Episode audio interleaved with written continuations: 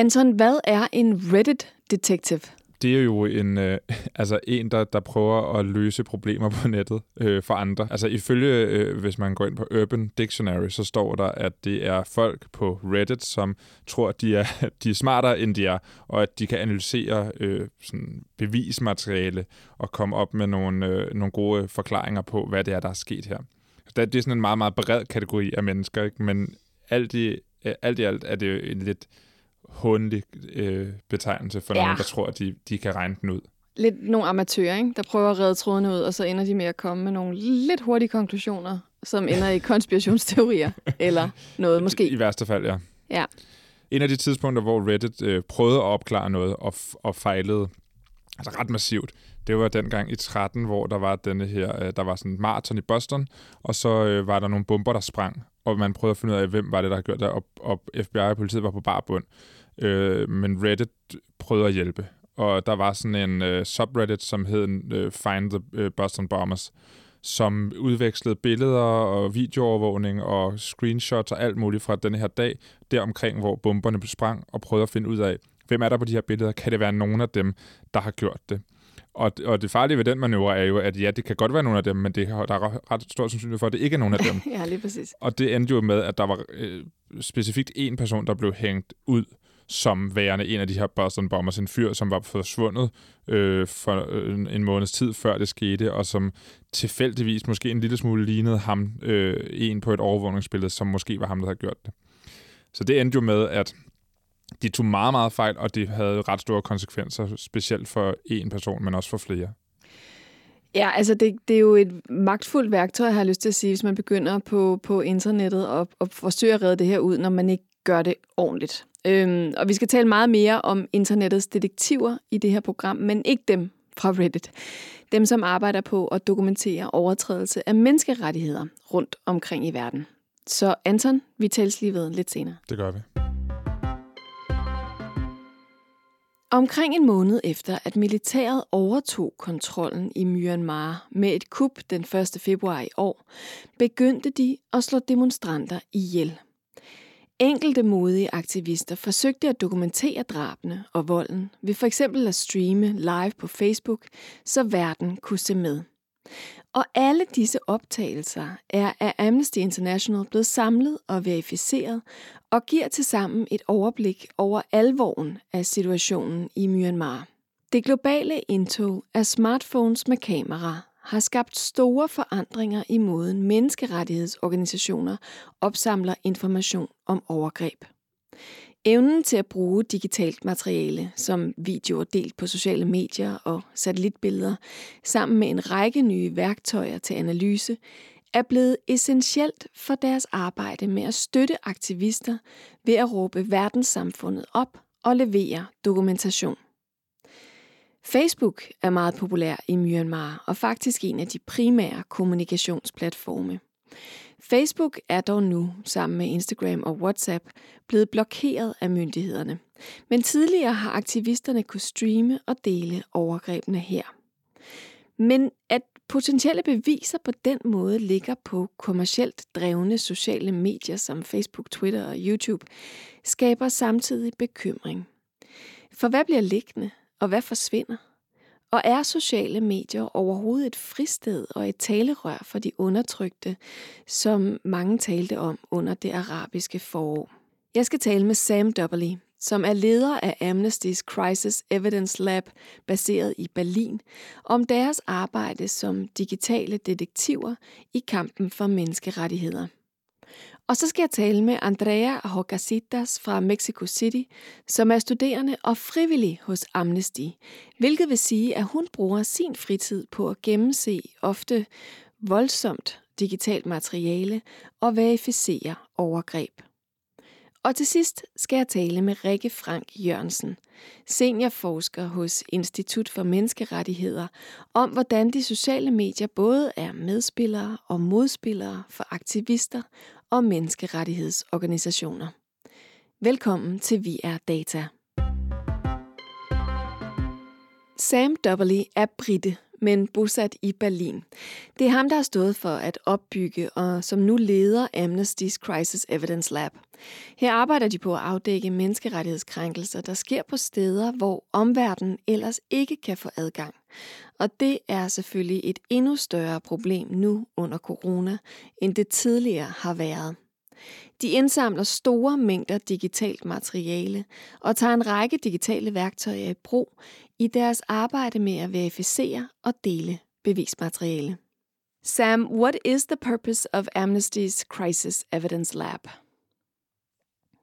Um, so Amnesty's Crisis Evidence Lab was set up um, a few years ago um, with the goal of helping Amnesty as an organization um, integrate what we might want to call kind of new research methodologies, although you know I don't think we can call them new anymore.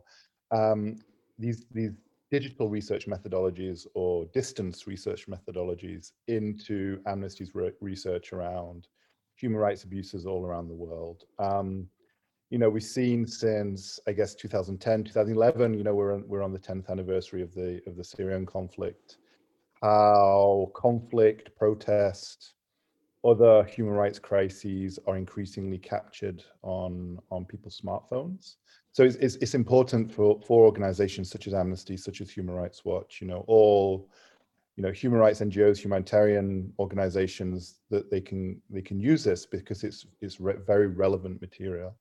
So um, the crisis evidence lab was set up basically to to understand how best we use you know the, these technologies in in Amnesty's research and to integrate it into Amnesty's research. And it's not just uh, photos and videos from from social media platform, uh, yeah, from social media platforms. It's also other other things like satellite imagery, right? Increasingly, we have you know cheaper, uh, more accessible satellite imagery. There are organizations now, companies now, which you know take a picture of pretty much every spot on Earth every day. And that also becomes very relevant. So we're, we're looking at all these different technologies and, and, and looking also to the future to see what we can we can do to better improve Amnesty's research and then better defend ultimately the, the human rights of, of people all over the world. And going back to 2016, when you started this this lab, was it a, a, a, a particular case that that caused you to do this to set up an entire division? No, I mean, so we're not we're not in the the team is not an entire division. We're actually nestled within a larger program, um, and and we Amnesty been doing this w- work before 2016. Um, it just had different names. So there was not there wasn't a particular instance. I think it was more the technologies. It was more you know before before I joined uh, the, you know, there was members of, of, our team who, who we, you know, were, were thinking, hey, we can use these satellite imageries to tell what's going on in Darfur, for example. And I think Darfur is a really good example of one of the first kind of satellite imagery led um, projects that Amnesty did. Um, that was really, you know, an interesting instance. Um, and I think it kind of grew from grew from there, really. And in in which cases can it be needed really to to secure evidence of human rights violations from your office in Berlin or for some from another place in the world instead of being there on the spot? Yeah, I mean, I think I think it's an important it's it's important to really understand that none of the work we do, my team does, the Evidence Lab does, replaces the need to go to a place, talk to people, talk to eyewitnesses, right? I think what we do is is we we really kind of bolster that research. We we we yeah we anchor it in in corroboration, if you like. Um, so I think I think Amnesty would would never publish without eyewitness testimony. So even when it looks like you know the video is the leading thing, the video the most important things because because people are motivated to action through video. You know, it's it's it's something you see a video and you're like, oh my, that you know, it pulls at your heartstrings. If you think of the image of Alan Kurdi back in you know 2016 on the beach in in Turkey, um, you know, that pulled people into action. So seeing you know audio visual um, examples of human rights abuses pulls people into action. But you know, every time when it might even look like Amnesty is relying or other other human rights NGOs are relying on on just on video evidence. They're not. You know, we, we're talking to people all the time. So I think it, the, the the two things now exist in tandem. They exist together. Um, And when we have video, that's fantastic. Or when we have satellite imagery, that's fantastic. If we look at the recent report Amnesty did on the massacre in Axum, in Tigray, in, in Ethiopia, we had satellite imagery and we were able to show, you know, various elements through satellite imagery. We had video evidence. But at the end of the day, the important thing was the testimony of every one of the witnesses to what went on in Axum. But bringing all that together becomes really strong. Um, and that's obviously become even more important during the pandemic, where it's obviously been harder for us to travel, harder for us to, you know, get our get our feet dirty, if you like. And can you walk us through how you work? For instance, with with the with the the projects or the issues that you are working on right now in the world, what kind of what kind of things can it be you're working on documenting? As you can imagine, what we're working on very much at the moment is a situation post post the February 1st coup in, in Myanmar, and also the situation in, in Tigray in, in Ethiopia. So we have, you know, country experts for each of those each of those countries. Uh, and our team comes in to support with, you know, analyzing video and photo evidence as and when it emerges. Obviously, that becomes harder when, you know, in Tigray last year, uh, the, one of the first things that the Ethiopian government did was to shut down the internet in Myanmar, they're shutting down the internet as well. Um, so that that obviously poses problems. It, it, poses problems to the amount of content we, we, we get, and it also poses problems to the amount of to the ways in which we can then authenticate or verify any photo or video co content that comes out. Um, you know, in Ethiopia, we're also very much relying on, on satellite imagery and monitoring events through through satellite imagery and what we can see there. Myanmar, obviously, because it's in an urban environment, it's it's a bit harder at the moment. But yeah, those those two, you know, contemporary, current, ongoing crises are, are somewhat the, the the our main focus at the moment. But what can it be specifically, if we take Myanmar as a case? What can it be you are looking for or trying to document? So, I mean, it's a really good question because um, you know the start of the crisis we had the military coup, and then kind of not much happened, right? You're like, okay, well, what can Amnesty do to add value? And that's always a question we need to be adding. You know, it's a, the world. The world. The world is a very noisy place. The media landscape is a very noisy place, right? So, you know, we can we can shout into the wind all we want. You know, this is awful. This is awful. But what is Amnesty really adding to the debate? What is Amnesty really adding to the discussion? So in terms of Myanmar, you know, it was a question of, you know, really monitoring to see what was going on. But then we saw after the 28th of February, so one month post coup, um, there were lots of protests in the streets. And then there was a real clear change in tactics by the Tatmadaw, the, the, the Myanmar army, um, where people were starting to be killed. And these were being captured on, on video. Um, obviously, we can't get into Myanmar without a pandemic, we probably couldn't get into Myanmar. We wouldn't get a visa. Um, so what do we do? We we rely on you know brave people going out to protest and holding their smartphones up and live streaming it on Facebook. And you know we often talk about the bad side of Facebook, you know, and and the invasions of privacy of Facebook. But in this instance, you know, it's Facebook is these the people of, of Myanmar, the people on the streets of Yangon, of Mandalay, of Naypyidaw, it's it's their it's their eyes, you know, it's their way to speak to the world. You know, their their their other communications platforms are cut, their phones are listened to. So actually, by you know, us picking up these live streams on Facebook or edits of the live streams or just general videos posted into onto Facebook, onto Instagram, onto Twitter, onto YouTube, um, and collecting those and analyzing them and verifying them and making sure we know exactly where they were filmed and on what day they were filmed, we're able to then show a pattern and show what's happening across the country. So from the from the 28th of February to the 10th of March, we collected as many videos as we could. You know, I think we collected certainly over 100, if not 200 videos and then analyze them. And we are able to verify, which for us means geolocate, so work out exactly where they were filmed, on which street corner they were filmed, and put, put them in time, so what date they were filmed. And we were able to show these 55 incidents uh, in Myanmar of violence conduct, committed by the police or the army against protesters. And this included killings, beatings, arrests, uh, potentially torture, of protesters in you know in Myanmar. And and I think bringing this together and showing it spread across the country literally mapping it out and we built a map to show where all these incidents had happened really had an impact in, in pushing forward an understanding in the rest of the world what what is actually going on in Myanmar and and besides analyzing, uh, would you say about uh, putting them time and date uh, and and placing them uh, geolocation wise, can it also be about authenticating video material? Absolutely, and that's really important. You know, it's it's you know I, I like to say that Amnesty, you know, we're not a rich organization by any stretch of the imagination, but I think we're pretty rich or wealthy or or strong in our reputation. So I think you know if we're it's important that we're very careful and very cautious about publishing this information. You know, we're accused of, of, of being a fake news organization when we're right.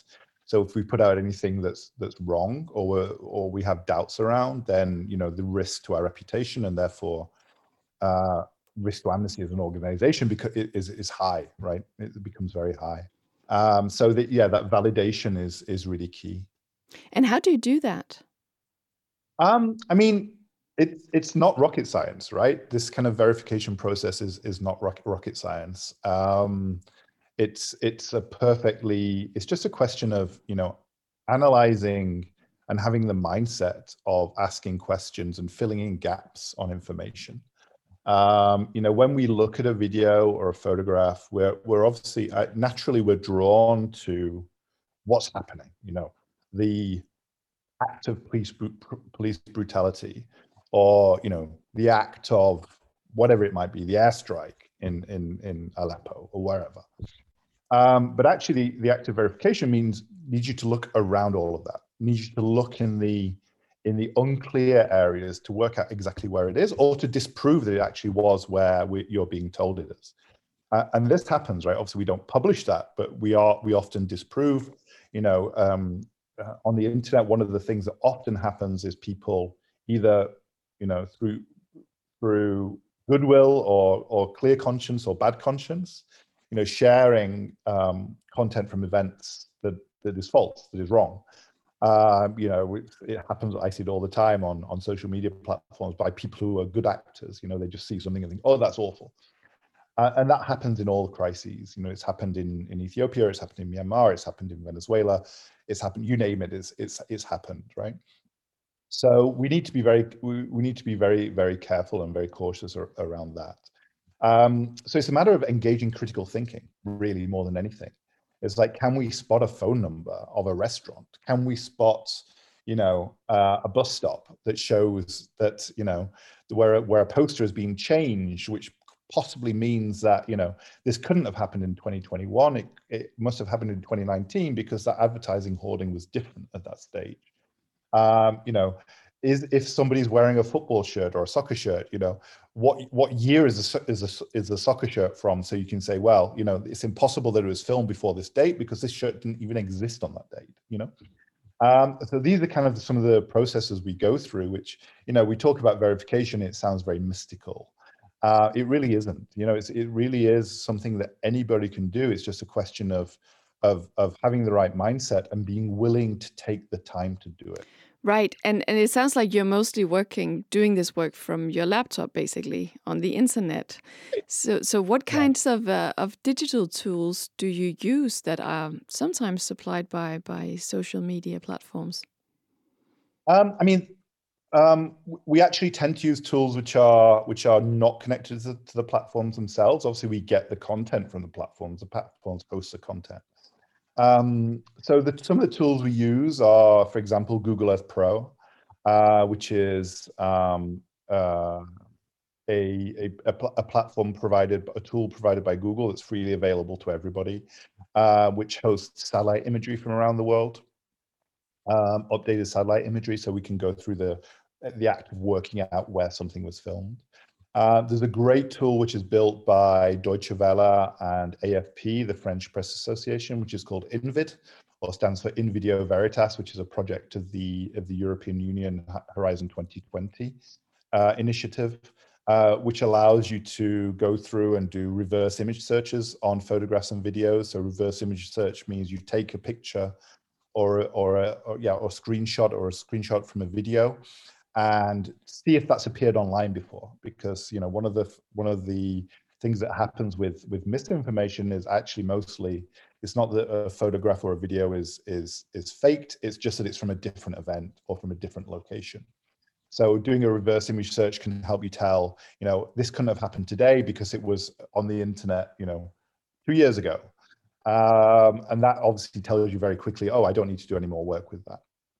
And the rest is really just really understanding what you're looking for and doing a lot of smart research. Uh, so, you know, can you find this restaurant in Mandalay in in Myanmar, you know, that's that's you've got half a logo of on on one video, so you can work out exactly where that restaurant or supermarket is, so you can actually then map it out. And increasingly with the with the you know databases that exist on Google, you know that becomes easier and easier or not easier maybe but uh, but more achievable than ever because you know th- these things are listed you know restaurants are designed to make people want to go to them or were once upon a time. Uh, so you know what part of their job is to announce where they are. So if you can find the name of a shop or a restaurant or the phone number of a shop or a restaurant you can often then find out where it is. So the tools aren't so important really. I mean we often talk about tools but one of the challenges is actually with this space is because we're relying a lot on on social media companies who at the end of the day are publicly listed publicly traded companies with the with the purpose of making a profit for their shareholders um, you know not to help human rights organizations.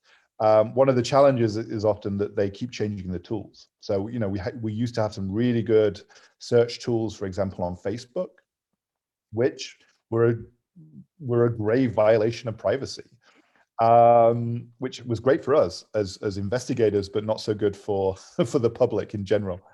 Um, so you know they disappeared, and it was it was very painful for us, even though you know we fundamentally agreed with them disappearing. It was still very painful. Um, you know, one of the also the great things about this open source investigation space is that you know there are a lot. There's the community is a great community, and people keep building new tools and putting them online for free you know, we have tools, for example, called SunCalc. One is called SunCalc, which allows you to work out the angle of the sun uh, and the, therefore angle of shadows, you know, on any spot on Earth on any day on any day at any time, which can be really useful in trying to work out where something happened or when something happened, because the shadows can then be used as sundials, for example. Wow, that's really clever. Yeah, it's, it's really smart and really clever, but also very obvious, right? It's just mathematics. Yeah, yeah, true. Uh, but you know, it's just it's just think somebody thinking about doing it and then putting it out there for free. Mm-hmm. Um, but but the important thing always remains the mindset. Mm. The social media platforms themselves are, are, are, doing a lot of moderation, you could call it, of content by by people and also by algorithms, and uh, and they're definitely censoring some of the accounts or evidence that you need in your work. What is your experience with this? Yeah, one of the one of the challenges we have is something called what we would call um, content that disappears, and again, it's it's one of those one of those interesting tensions between you know the bad of social media companies and and the good of social media companies. Uh, you know, obviously we see some good in the social media companies as being the hosts of content which shows human rights abuses. And we like to capture that and we like to and we like to analyze it and we like to present it to the world. Um, but also at the same time you know there's a lot on the on the internet that's that's awful you know content which radicalizes which shows you know gratuitous violence etc etc and i would never want you know my kids seeing that for example. Um, but at the same time, you know, it's it's videos and that that can sometimes show human rights violations. So one of the great fears is that, you know, evidence of human rights abuses disappears before we know it exists, um, because the, the, algorithms are so strong and so quick that they take it down before we actually know it exists, even though it shouldn't be taken down. And this mm. is a constant tension and constant battle we're having. You know, and, and actually what's what it's doing in some ways is pushing content onto other platforms, onto new platforms. So when Facebook gets really good at taking down content, you know, people stop sharing on Facebook and they put it on Telegram or they just share it on WhatsApp, etc., etc. So it's hard. It's a hard balance, but it, and it's kind of it's kind of a struggle that we constantly have. But you know, we try and we talk to the social media companies about it, but so far we haven't made much progress on the issue. One last question, Sam. This mindset that you talk of, this critical mindset that you approach everything with, every material to being able to authenticate and document, it seems like something we could all really use a dose of in terms of source criticism when we are online. Do you find that that the work you do and the courses you teach might be useful for everyone in using the internet? Absolutely. I think you know this this, this you know what we do and and kind of applying critical thinking to information that's on the internet you know is, is is key for every member of society today.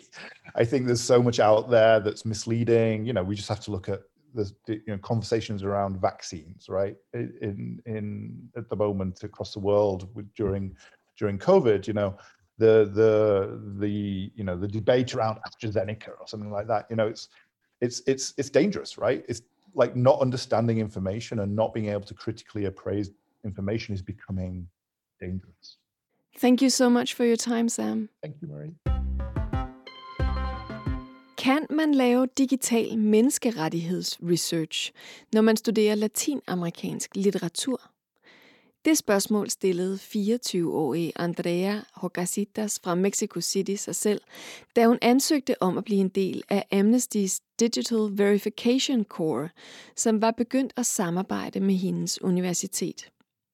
Svaret er ja, og Andrea bruger nu mange timer om ugen på et digitalt undersøgende arbejde, som hjælper Amnesty med at dokumentere overtrædelser af menneskerettigheder. Andrea, why did you decide to volunteer for the Digital Verification Corps? I decided to volunteer because I thought uh, training would provide me with the skills necessary to use in my work. I work as a human rights uh, project coordinator in a local NGO here in Mexico City basically we work to combat inequality and corruption. So when i saw amnesty was looking for volunteers to work as human rights researchers i took the leap. I was very interested in the whole process. I thought that what i was missing was tools to research right? And open source investigation is a great tool to report uh, human rights violations. So that's mainly the, the reason I, I decided to volunteer.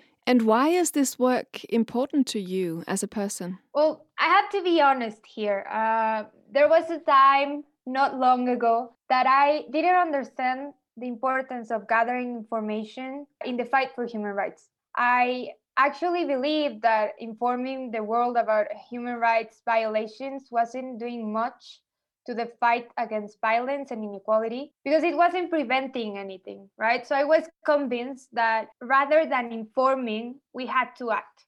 So that was what I thought before actually getting into human rights and working on the field. And then I realized the importance of Amnesty's work and what we do in the Digital Verification Corps, collecting and putting together all the pieces not only to show the atrocities but hold the inflictor responsible for the crime is valuable work that helps ngos like mine to demand change. It's necessary uh, to make the problem visible in order to demand uh, concrete actions to solve it. So the fact that amnesty is working worldwide which is actually uh, an impressive uh, work to report and to collect information on different violent and atrocious human rights violations, it helps people like me who are working on the field have enough information to demand uh, concrete changes, right? So I didn't understand that before, and now I do, and, and that's why I believe it's so important and what kind of training did you receive beforehand, before you started working on this? We received a lot of training, um, mainly open source investigation, which basically translates to using social media to prove human rights violations. Basically, you have a video on Twitter about a woman being hurt by a, a, a police member, and what you do with it is that you verify the place it happened and the time with other content It can be news, other social media uh, posts, another video on Twitter from another user, or a video on YouTube or on Facebook.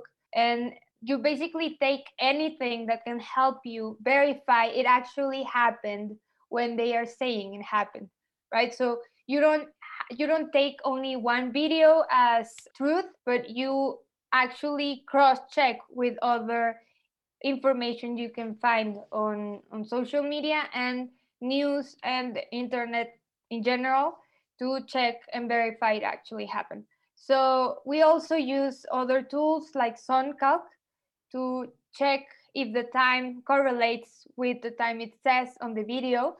And we use reverse image search to verify it, it's not fake news like from 2008 and it's actually happening right now.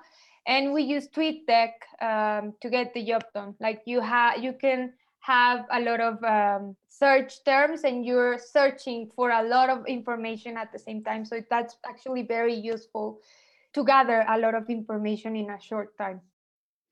And what what kind of projects have you been working on so far? Well, we're currently working with a United Nations entity, so I am not really permitted to say anything else. But we have worked with uh, tear gas and violent uh, response from the police in different manifestations. The first project I worked on was on Mali.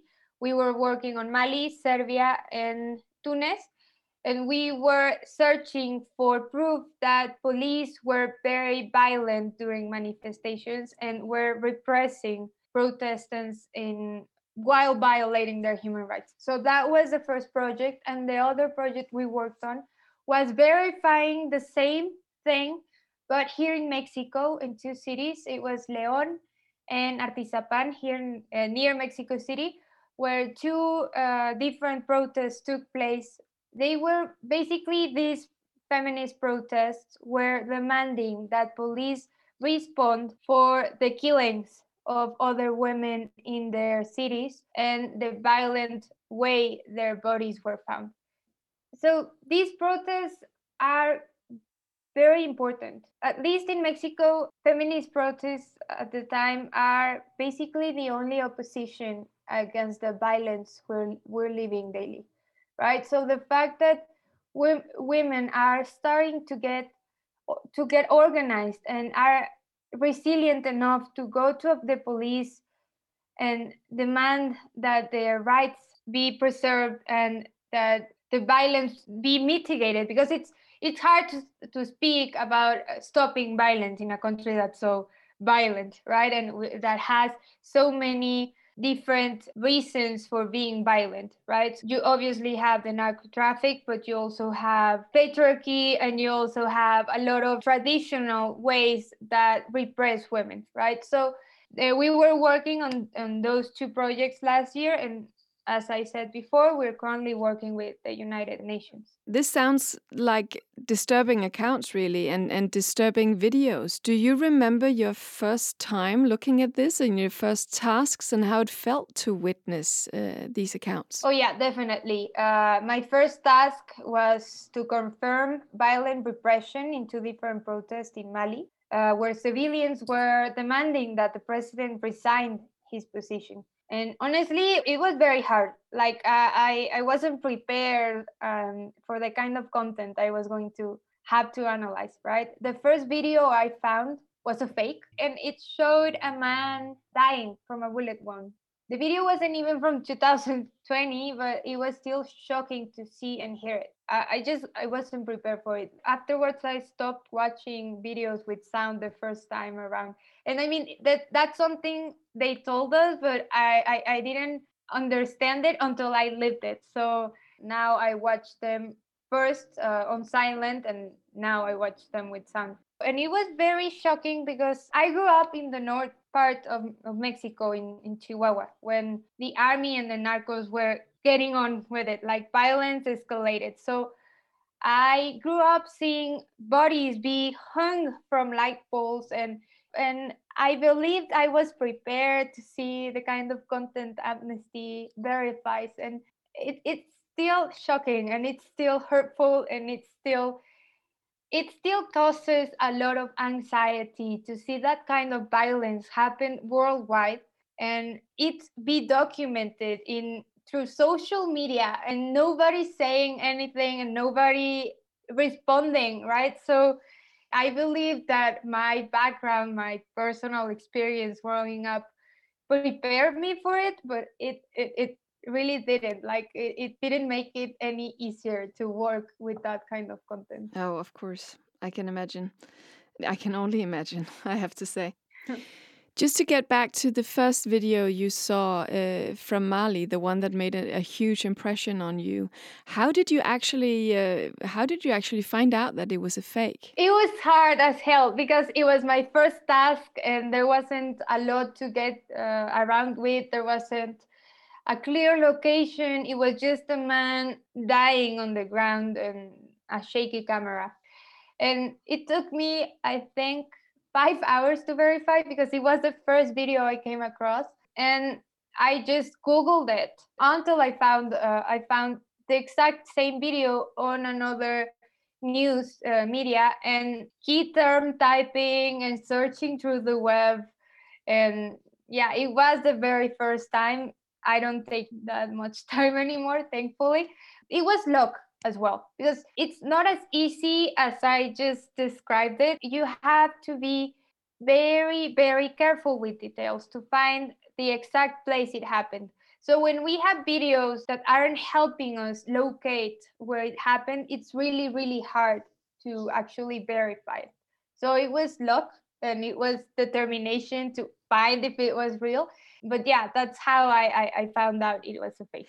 Um, Andrea, you you don't get paid for this work. Why why do you still find the time and the mental energy it obvious takes to do this many hours a, a week? I'm invested in this work and what it represents. At the end of the day, uh, someone has to do it. And I'm also learning a lot about open source investigation and how to translate what we gather in a database to an actual report that can lead to holding governments and specific actors accountable for atrocious acts. So that alone is enough for me to continue working with the DVC and continue doing this uh, this kind of work, even if it's hard, even if it's emotionally painful. Um, I'm completely invested, and I'm actually thankful for Amnesty for giving us the opportunity to learn from them and to help them in in the fight for human rights. So even if I don't get paid, that's enough uh, satisfaction. And do you think you can you can use these tools that you now master and this critical mindset of investigation? Can you use this in other ways in the future? Do you think? Yeah, definitely. It's it's useful to me now in my work, and I'm sure it will be useful for many years to come by allowing me to access the information I need to guarantee basic rights by holding accountable those that need to be held accountable and to have a solid support to demand specific actions from the government or other actors that are hurting other people, especially in contexts like Latin America and Mexico in specific. This work is important because there, there aren't many journalists that take the time to verify information and publish it. So we need more people trained to work with open source to report and raise their voice in the fight against inequality violence and human dignity. Thank you so much for sharing your experience uh, in working with Amnesty, Andrea. Thank you for having me. Hvis du er blevet interesseret i arbejdet som digital detektiv for Amnesty's Digital Verification Core, så linker vi til mere info om det i noterne til podcasten. Rikke Frank Jørgensen er seniorforsker ved Institut for Menneskerettigheder. Hun har specialiseret sig i menneskerettigheder i forhold til teknologi, og hun kan fortælle om, hvordan opfattelsen af sociale medier har ændret sig, og om de stadig er en vigtig kommunikationsplatform for aktivister i undertrykkende regimer. Rikke, vi har i det her program indtil videre hørt om, hvordan menneskerettighedsaktivister kloden rundt bruger sociale medier som talerør og til at dele overtrædelser af menneskerettigheder med verden. Og også lidt, hvordan Amnesty så på den anden side bruger det her sociale medier til, til, som værktøj til at undersøge og dokumentere overtrædelserne. Og det synes jeg ikke personligt er meget, vi oplever, øh, at vi taler om sociale medier på den måde længere. Hvordan kan det være? Nej, men det har du nok ret i, altså at man kan sige, da sociale medier kom frem for efterhånden en del år siden, øh, der havde vi meget det her fokus på, at det var noget, der kunne give adgang til, at mange stemmer kunne komme ud, og man kunne komme uden om den magt, som, som undertrykkende stater for eksempel repræsenterede, sådan at, øh, at civilsamfund kunne komme ud og, og dokumentere, hvad der faktisk skete i et land, hvor de øh, klassiske medier måske øh, talte staten med statens stemme. Så det kan man sige, hele det her frisættende potentiale, øh, og det at, at alle mulige forskellige stemmer og mennesker og grupper øh, og minoriteter og undertrykte folk kunne få en adgang til at komme ud med deres ytringer. Det var noget af det, der var, var rigtig meget fremme for, for øh, de 15 år siden. Og det var også fordi, vi der havde meget fokus på, på staters undertrykkelse af deres befolkning og den magt, som staten kunne repræsentere. Og der er der så de sidste, jeg ved ikke, hvordan vi skal tidssætte det, men i hvert fald de sådan sidste 5-7 år, er vi jo blevet meget mere opmærksomme på, at de her platforme, de udøver jo også magt. Det er bare en anden slags magt, end statens magt. Og det har jo været sådan en, en øjenåbner for rigtig mange at det ikke bare staterne, som kan udøve en eller anden magt over den enkelte. Det, det sker faktisk også, når vi er på de her tech-platforme, at vi bliver, vi bliver instrueret og drejet i nogle bestemte retninger. Så det, der, det, er sådan, det er det fokus, der er kommet nu. Og det er det, som, som diskussionen så har, har handlet meget om. Og derfor er der måske, som du siger, ikke helt den samme opmærksomhed på det frisættende potentiale. Men det er klart, at det er der også. Ja, fordi jeg, jeg husker det som om under, under det arabiske forår, jeg husker det meget håbefuldt. Og det føltes som om, at, at social medieplatform ligesom ja, på en eller anden måde tjente et ædelt formål.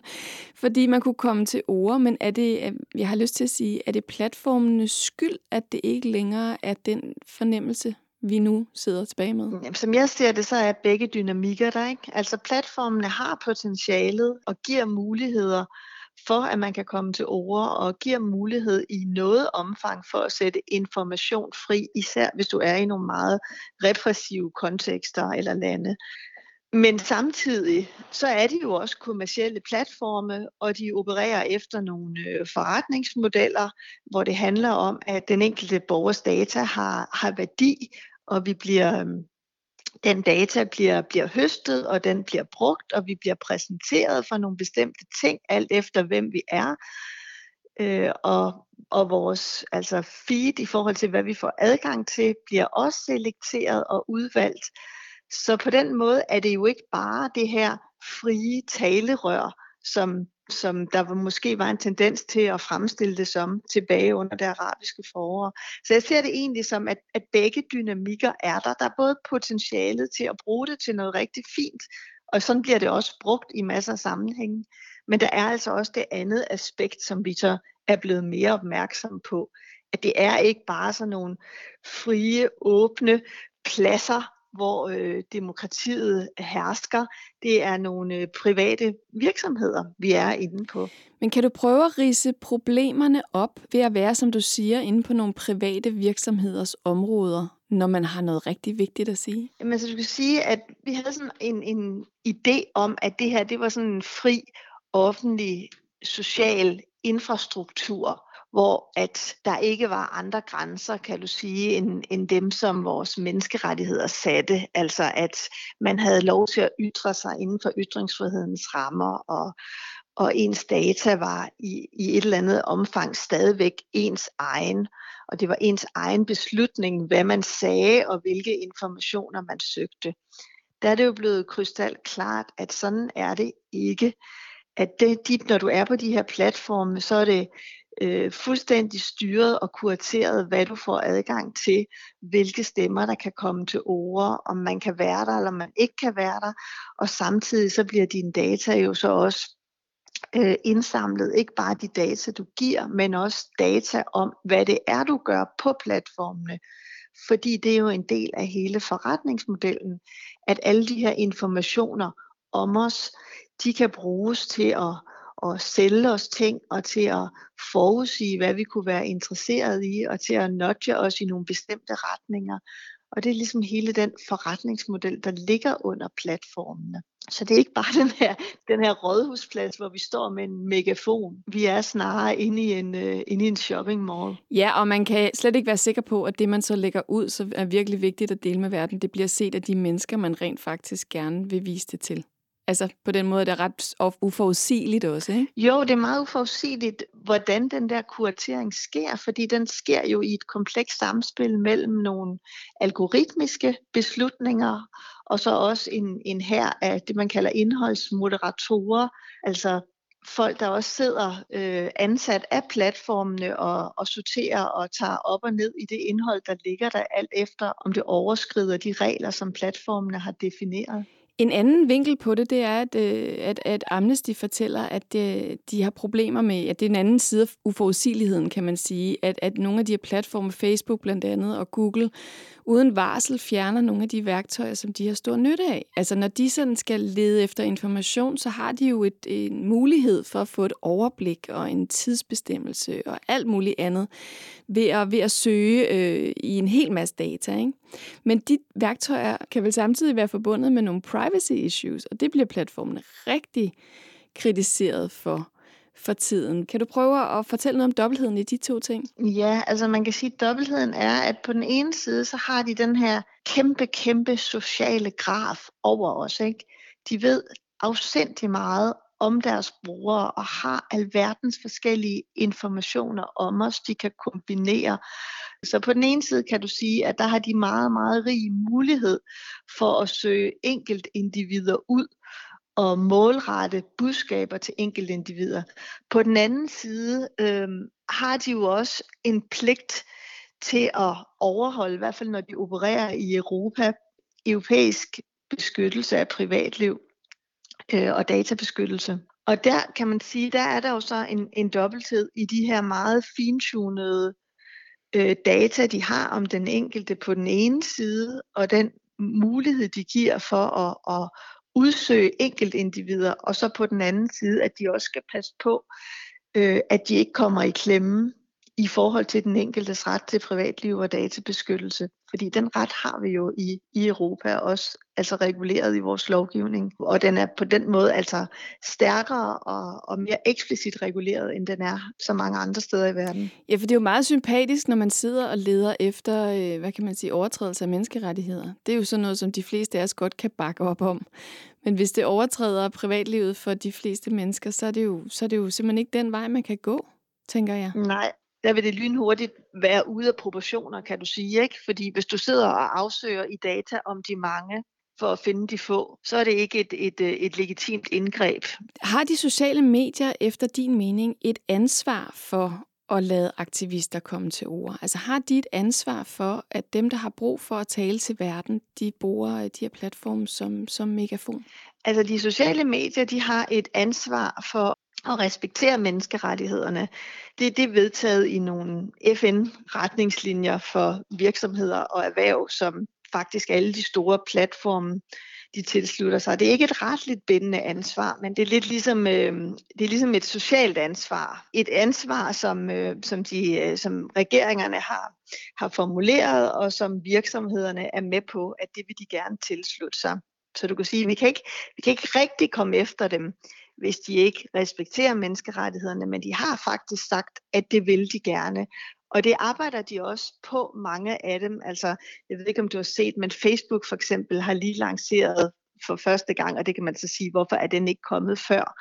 Men nu er den der i hvert fald en ret omfattende øh, menneskeretspolitik, som de øh, lancerede for et par uger siden og, og er ude at fortælle om nu. Og der er som et element i den meget eksplicit en beskyttelse af for eksempel menneskeretsforkæmpere og deres rettigheder. Så det siger de simpelthen, at de vil? Ja. Synes, du, så, de, synes du så, de gør det? Jamen, øhm, det, det interessante i det, det er, at de gør meget i forhold til at beskytte menneskerettigheder, men der, hvor de er stærkest, det er i virkeligheden at beskytte den enkelte bruger igen over for undertrykkende stater der er de meget klare i spyttet, og der spiller de helt klart også en rolle. Der, hvor de er svagest, det er, når de skal se kritisk på deres egen praksis og deres egen procedure og deres egen negative indvirkning på brugernes rettighed, for eksempel som led i den dataindsamling, de foretager. Amnesty siger jo blandt andet, at, øh, at de øhm, hvad kan man sige, bliver nødt til at bruge de sociale medier i det arbejde, de laver med at dokumentere overtrædelse af menneskerettigheder de synes ikke, der er andre muligheder. Tænker du, at øh, hvad kan man sige, den her dobbelthed, der er i sociale medier, og de store problemer, der er, øh, er noget, man kan rette op på forhåbentlig, eller de selv vil rette op på, eller tænker du, at man skal prøve at skabe nogle helt andre steder at gå hen? Jeg tænker i virkeligheden, at vi skal gøre begge dele. Altså vi skal både arbejde på at få de store platforme øh, gjort meget mere ansvarlige på menneskerettigheder, og meget mere åbne og gennemsigtige, så vi har også har mulighed for i højere grad at efterse, hvad det er, de gør, og hvilken indvirkning det har på den enkeltes rettigheder. Så vi skal ikke lade være med at blive ved med at kræve mere af dem i forhold til beskyttelse af den enkelte. Men samtidig er det også rigtig vigtigt, at vi ikke taler om det på en måde sådan om, at der slet ikke er nogen alternativer. Fordi der er forskellige bevægelser rundt omkring i verden, der også altså arbejder på at udvikle alternativer til de her store mastodonter. Og det synes jeg, det er rigtig, rigtig vigtigt, også i en europæisk kontekst, at vi også hele tiden husker den flanke, at det kunne være så smukt, hvis vi fik nogle flere europæiske alternativer ud, så der ikke kun var de der ganske få steder at gå hen. Og også nogle alternativer, kan du sige, som altså kan komme ud og blive lidt mere mainstream, end det er nu. Rikke, tusind tak for din tid. Velbekomme. Du lytter til Vi er Data på Loud. Mit navn er Marie Høst. I dag har vi talt om digitale detektiver, der arbejder på at samle bevismateriale og at dokumentere overtrædelse af menneskerettigheder på nettet, specielt på øh, via sociale medier. Og her til slut i Via Data, der har jeg besøg af Anton Gade Nielsen, ligesom jeg havde i starten. Og han er vært på podcasten All Caps, som også produceres her på Enigma, og som handler om, hvad vi taler om på internettet. Hej igen, Anton. Hej, hej. Nu har vi jo talt om Amnesty, der arbejder øhm, både professionelt og målrettet som digitale detektiver, men som vi lige var inde på i starten, så er der jo masser af privatpersoner hjemme foran skærmen, der er meget ivrige efter at gøre det samme. Normalt med alle mulige forskellige motivationer. Men der var faktisk en begivenhed, der virkelig fik samlet folk om en opgave. Hvad var det for en begivenhed? Det var jo den, øh, den historiske begivenhed den 6. januar øh, 2021, altså i år, ja. øh, på, ved kongresbygningen i Washington i USA, hvor øh, der var en masse udklædte og ikke udklædte, kampklædte mennesker, der øh, stormede kongressen. Ikke? Altså det her stormløb fra Trump-tilhænger på øh, den amerikanske kongres. Og øh, det, der var specielt ved den, øh, var jo, at øh, rigtig mange af dem, der, der var med her, de, øh, de tog billeder og streamede sig selv og øh, tog billeder af sig selv, tog selfies. Ja, det virkede og, de ikke særlig bange for. De lagde det helt op, ikke? Og ja. udover det, så gik, er de jo også nogle maskebenægter, eller mundbindsbenægter, så de var alle sammen meget, meget nemme at identificere. Ja. Og da det hele var overstået, og de ikke fik væltet parlamentet, og de ikke fik ligesom øh, lavet den revolution, de troede på, jamen så øh, begyndte folk jo at være sådan, men hvem var de så, de her mennesker?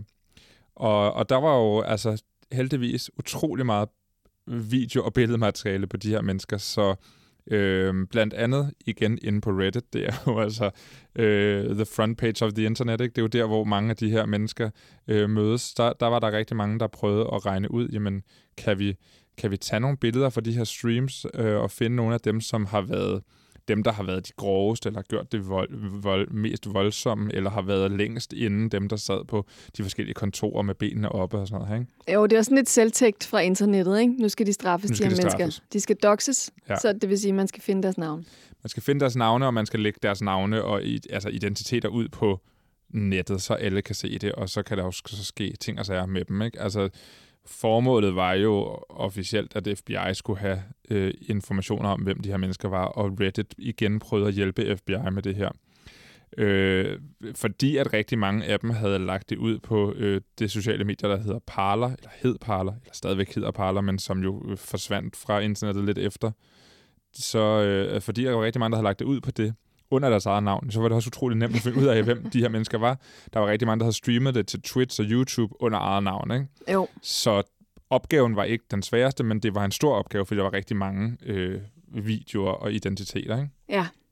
Ja, for så greb de det jo an sådan ret metodisk, har jeg lyst til at sige. Eller resultatet blev ret metodisk. Øhm. Der var en, som fandt ud af, at denne her platform Parler, som jo primært består af nogle meget højorienterede ytringsfrihedsforherligende øh, mennesker.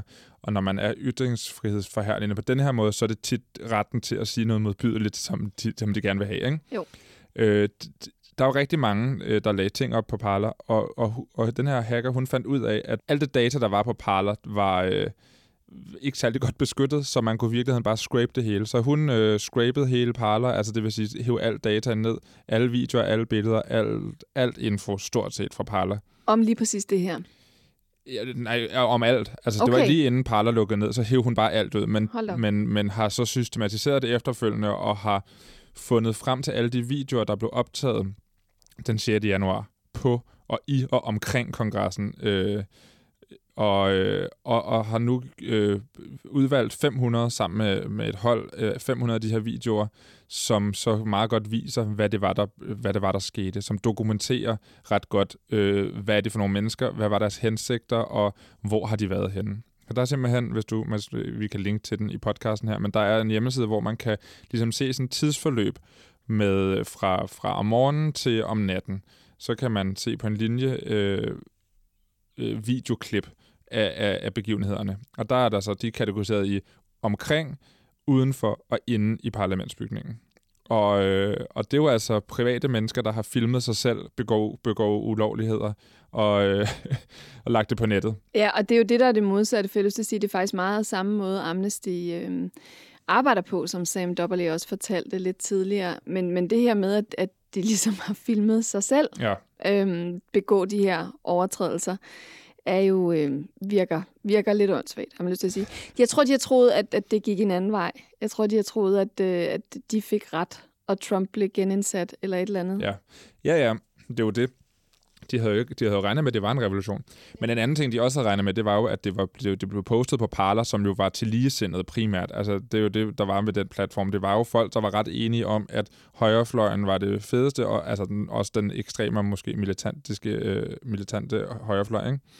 Så, øh, så de havde jo... Øh, altså det her med at vise sig selv, var jo fordi, at de jo tænkte, at dem, der skal se det her, er jo enige med mig, og ja. derfor er jeg fucking cool. Jeg bliver hyldet herinde. Ja.